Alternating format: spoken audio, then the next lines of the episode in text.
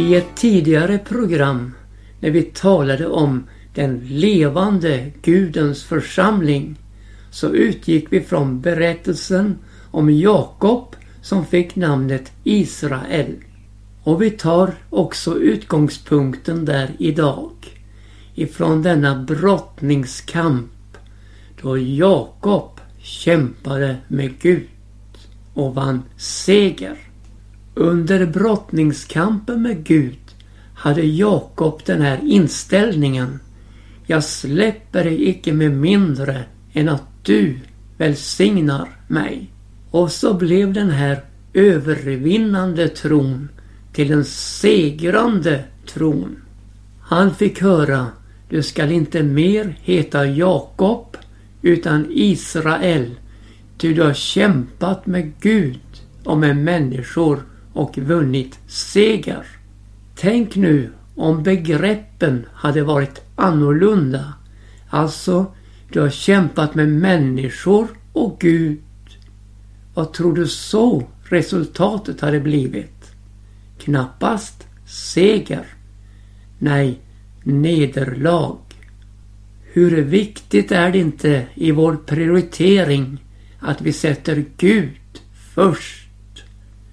Du har kämpat med Gud och med människor och vunnit seger. I Bibeln har vi en underbar begreppsvärld med bilder oftast som ska klargöra för oss andliga verkligheter.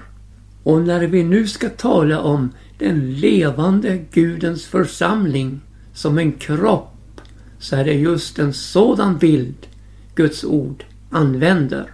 Inte vilken kropp som helst, men Kristi kropp. I första Korinthierbrevets tolfte kapitel och 27 vers står det Men nu är i Kristi kropp och hans lemmar var och en i sin mån. Men innan vi går in på just det här med församlingen som Kristi kropp så vill jag tala om Jesu kropp. Den kropp Jesus hade då han vandrade ibland oss här på jorden. Bibeln berättar för oss om jungfrufödelsens enorma under och hur det gick till när den unga kvinnan Maria blev havande. Jag läser de helt underbara orden från Lukas första kapitel och 35 vers. Helig ande ska komma över dig och kraft från den högste skall överskygga dig. Därför skall och det heliga som var det fött kallas Guds son. Och när vi går till Hebreerbrevets tionde kapitel så ser vi hur Gud sätter hela gamla testamentets gudstjänstordning till sido för denna kropp. Jag läser från tionde kapitlets femte vers. Därför säger han, alltså Jesus, vid sitt inträde i världen. Slaktoffer och spisoffer begär du icke, men en kropp beredde du åt mig. I brännoffer och syndoffer fann du icke behag. Då sa jag, se jag kommer. I bokrullen är skrivet om mig för att göra din vilja, och Gud. Vi ser att det var Gud som beredde denna kropp för Jesus. Och när vi läser vidare så förstår vi vilken enorm betydelse denna kropp hade och har för vår frälsning. Jag läser vidare från den åttonde versen. Sedan först har sagt slaktoffer och spisoffer, brännoffer och syndoffer begär du icke och i sådana fann du icke behag. Och dock frambäres det efter lagen, säger han vidare. Se, jag kommer för att göra din vilja. Så tog han bort det förra för att sätta det andra istället och i kraft av denna vilja har vi blivit helgade därigenom att Jesu Kristi kropp en gång för alla har blivit offrad.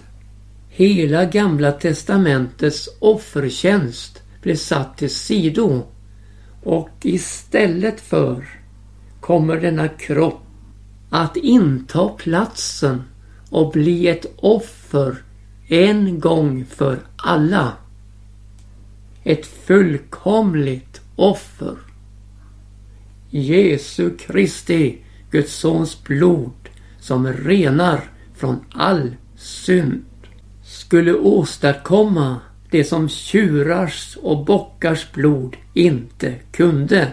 Det var den kropp Gud hade berett för Jesus för att bära våra synder upp på korset och nagla dem fast där.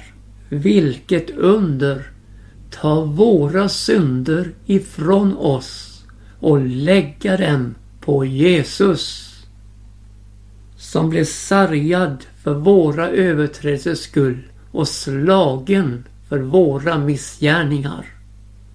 Ja, straffet blev lagt på honom för att vi skulle få frid och genom hans sår bliva vi helade. Kristus kommen i köttet är en absolut grundläggande förutsättning för vår frälsning. Här uppfylls Bibelns första löfte. Kvinnans säd ska söndertrampa ormens huvud. Och så ligger här förutsättningarna för församlingens inträde i världen. Den levande Gudens församling. Som han vunnit med sitt eget blod. Utan Golgata ingen församling. Men vid Golgata tar sig Kristi kropp detta uttryck om mångfald. Jag citerar ännu en gång från första Korinthierbrevets tolfte kapitel och 27 vers. Men nu ären i Kristi kropp och hans lemmar var och en i sin mån. När Gud skapade människan till sin avbild och skapade Eva så lät han en tung sömn falla över Adam. Och när denne hade somnat så tog han ett reben av honom och fyllde dess plats med kött. Och av rebenet byggde han en kvinna som förs fram till mannen. Och när Adam ser sin Eva för första gången så säger han Ja, denna är nu ben av mina ben och kött av mitt kött. Hon skall heta maninna, till av man är hon tagen.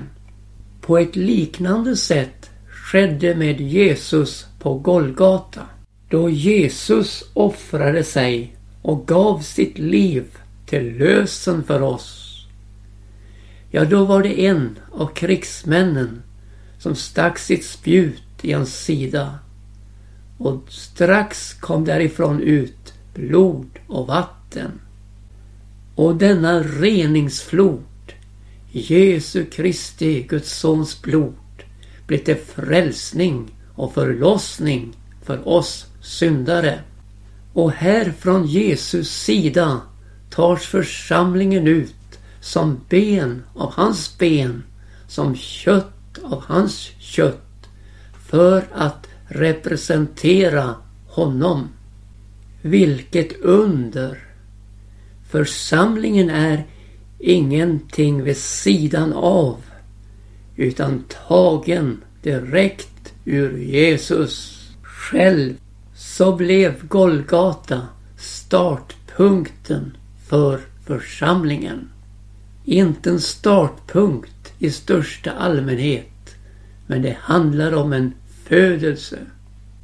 Där församlingen har sitt liv och ursprung i Jesus Kristus och hans försoning. Så förstår vi då att församlingen är ingen organisation utan en organism med liv i Gud. Med sitt ursprung i försoningens verklighet. Och så tar sig denna verklighet sitt fulla uttryck på pingstdagen när de alla var församlade med varandra. Och då kom plötsligt från himmelen ett dån så som en våldsam storm hade dragit fram och det uppfyllde hela huset där de satt. Och tungor såsom av eld visade sig för dem och fördelade sig och satte sig på dem, en på var av dem och de blev alla uppfyllda av helig ande och begynte tala andra tungomål eftersom anden ingav dem att tala. Denna uppfyllelse av den helige ande gjorde dem till redskap för Gud, till Jesu vittnen i tiden. Och redan på pingstdagen trädde Petrus fram jämte de elva och predikar så att åhörarna kände ett stygn i sina hjärtan och frågar Bröder, vad ska vi göra? Petrus svarar dem Gör en bättring och låt den alla döpa er i Jesu Kristi namn till er synders förlåtelse. Då skall ni som gåva undfå den helige Ande. Till er gäller löftet och era barn jämväl alla dem som är i fjärran, så många som Herren vår Gud kallar. Och detta var så kraftfullt att en hel skara tog emot ordet. Och de som då tog emot ordet lät döpa sig och så ökades församlingen på den dagen vid pass 3000 personer. Och så heter det så underbart om dem. Och dessa höll fast vid apostlarnas undervisning och brödragemenskapen vid brödsbrytelsen och bönerna. Vi förstår att detta var ett djupgående Andens verk som för dem samman till ett hjärta och en själ. Denna enhet kan inte konstrueras. Den måste födas fram genom den helige Andes inverkan. Och nu går vi till första Korinthierbrevets tolfte kapitel och tolfte vers. Där vi läser Ty lika som kroppen är en och likväl har många lemmar. Och liksom kroppens alla lemmar, fastän det är många, likväl utgör en enda kropp. Lika så är det med Kristus. Ty i en och samma ande är vi alla döpta till att utgöra en och samma kropp. Vare sig vi är judar eller greker, vare sig vi är trälar eller fria. Och alla har vi fått en och samma ande utgjuten över oss. Och så kommer vi till kroppens lemmar och funktioner från den fjortonde versen. Kroppen utgörs ju icke heller av en enda lem utan av många. Om foten ville säga, jag är icke hand, därför hör jag icke till kroppen, så skulle den icke dess mindre höra till kroppen. Och om örat ville säga, jag är icke öga, därför hör jag icke till kroppen, så skulle den icke dess mindre höra till kroppen. Om hela kroppen vore öga, vad funnes då hörseln? Och om hel och hållen var öra, vad funnes då lukten? Men nu har Gud insatt lemmarna i kroppen, var och en av dem på det sätt som han har velat. Om åter allesammans utgjorde en enda lem, vad funnes då själva kroppen? Men nu är det så att lemmarna är många och kroppen är dock en enda. Ögat kan inte säga till handen, jag behöver dig icke, ej heller huvudet till fötterna, jag behöver eder icke. Nej, just det kroppens lemmar som tyckas vara svagast är det mest nödvändiga. Och de delar av kroppen som tyckas vara mindre hedersamma, den bekläder vi med så mycket större heder. Och den som vi blygas för, den skylar vi med så mycket större blygsamhet. Under det att andra icke behöver något sådant. Men när Gud sammanfogade kroppen av olika delar och därvid lät den ringare delen få en så mycket större heder så skedde detta för att söndring icke skulle uppstå i kroppen utan alla lemmar endräktigt ha omsorg om varandra. Om nu en lem lider så lider alla de andra lemmarna med dem. Om åter en lem äras så glädja sig alla de andra lemmarna med den. Men nu är i Kristi kropp och hans lemmar var och en i sin mån. Visst är det underbart att Gud har insatt lemmarna i kroppen på det sätt som han har velat. Och visst är det underbart att vi får vara lemmar varandra till tjänst. En kropp men med många funktioner.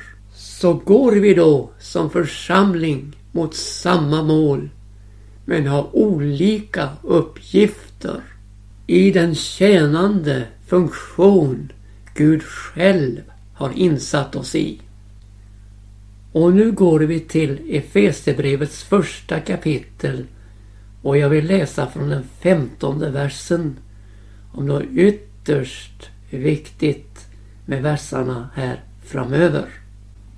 Sedan jag fick höra om er tro i Herren Jesus, om er kärlek till alla de heliga, har därför jag å min sida icke upphört att tacka Gud för er, när jag tänker på er i mina böner. Och min bön är att vår Herres Jesu Kristi Gud, härlighetens fader, må ge er en visdomens och uppenbarelsens ande till kunskap om sig och att han må upplysa era hjärtans ögon så att de förstår hurudant det hopp är vad till han har kallat er hur rikt på härlighet hans arv är bland de heliga och hur översvinnligt stor hans makt är på oss som tro. Allt i enlighet med den väldiga styrkas kraft varmed han har verkat i Kristus. I det han uppväckte honom från de döda och satte honom på sin högra sida i den himmelska världen. Över alla andevärldens furstar och väldigheter och makter och herrar, ja över allt som kan nämnas, icke allenast i denna tidsålder utan och i den tillkommande. Allt la han under hans fötter och honom gav han åt församlingen till att vara ett huvud över allting. Åt församlingen till det är hans kropp och är uppfylld av honom som uppfyller allt i alla. Ja, tänk. Gud gav Jesus till församlingen att vara ett huvud över allting. Från detta underbara huvud, Jesus Kristus, skulle instruktionerna gå ut till varje lem i kroppen. Det kan inte nog understrykas just detta att Jesus är huvudet för församlingen. Vi får inte organisera efter mänskliga medel och metoder. Utan vi måste ta instruktioner från huvudet för att utgöra den levande Gudens församling. Vi är inte skilda från honom utan förenade med honom genom underbara nervtrådar som den helige Ande förmedlar Guds vilja, Guds budskap, ja huvudets instruktioner till oss. För att varje lem ska bli till ära för honom. Och så får församlingen vara uppfylld av honom som uppfyller allt i alla. Tänk om Gud hade givit ritningarna till församlingen innan Golgata, innan pingsten. Vad hade det så blivit? Jag befarar detsamma som nog hade hänt i Egypten om Gud hade givit ritningarna till tabernaklet redan i Egypten. Ja, då hade man nog byggt tabernaklet i Egypten och förblivit i träldom. Men Gud hade långt underbarare planer än så. På samma sätt med församlingen. Den skulle tagas ut ur världslivets träldom för att lösköpas på Golgata med Jesu blod för att fyllas på pingsten med den helige Ande och att i frihet utföra Guds vilja och Guds gärning till förhärligande av hans namn. Nej, församlingen hör inte denna världen till. Hon har blivit lösköpt med Jesu blod för att höra himlen till.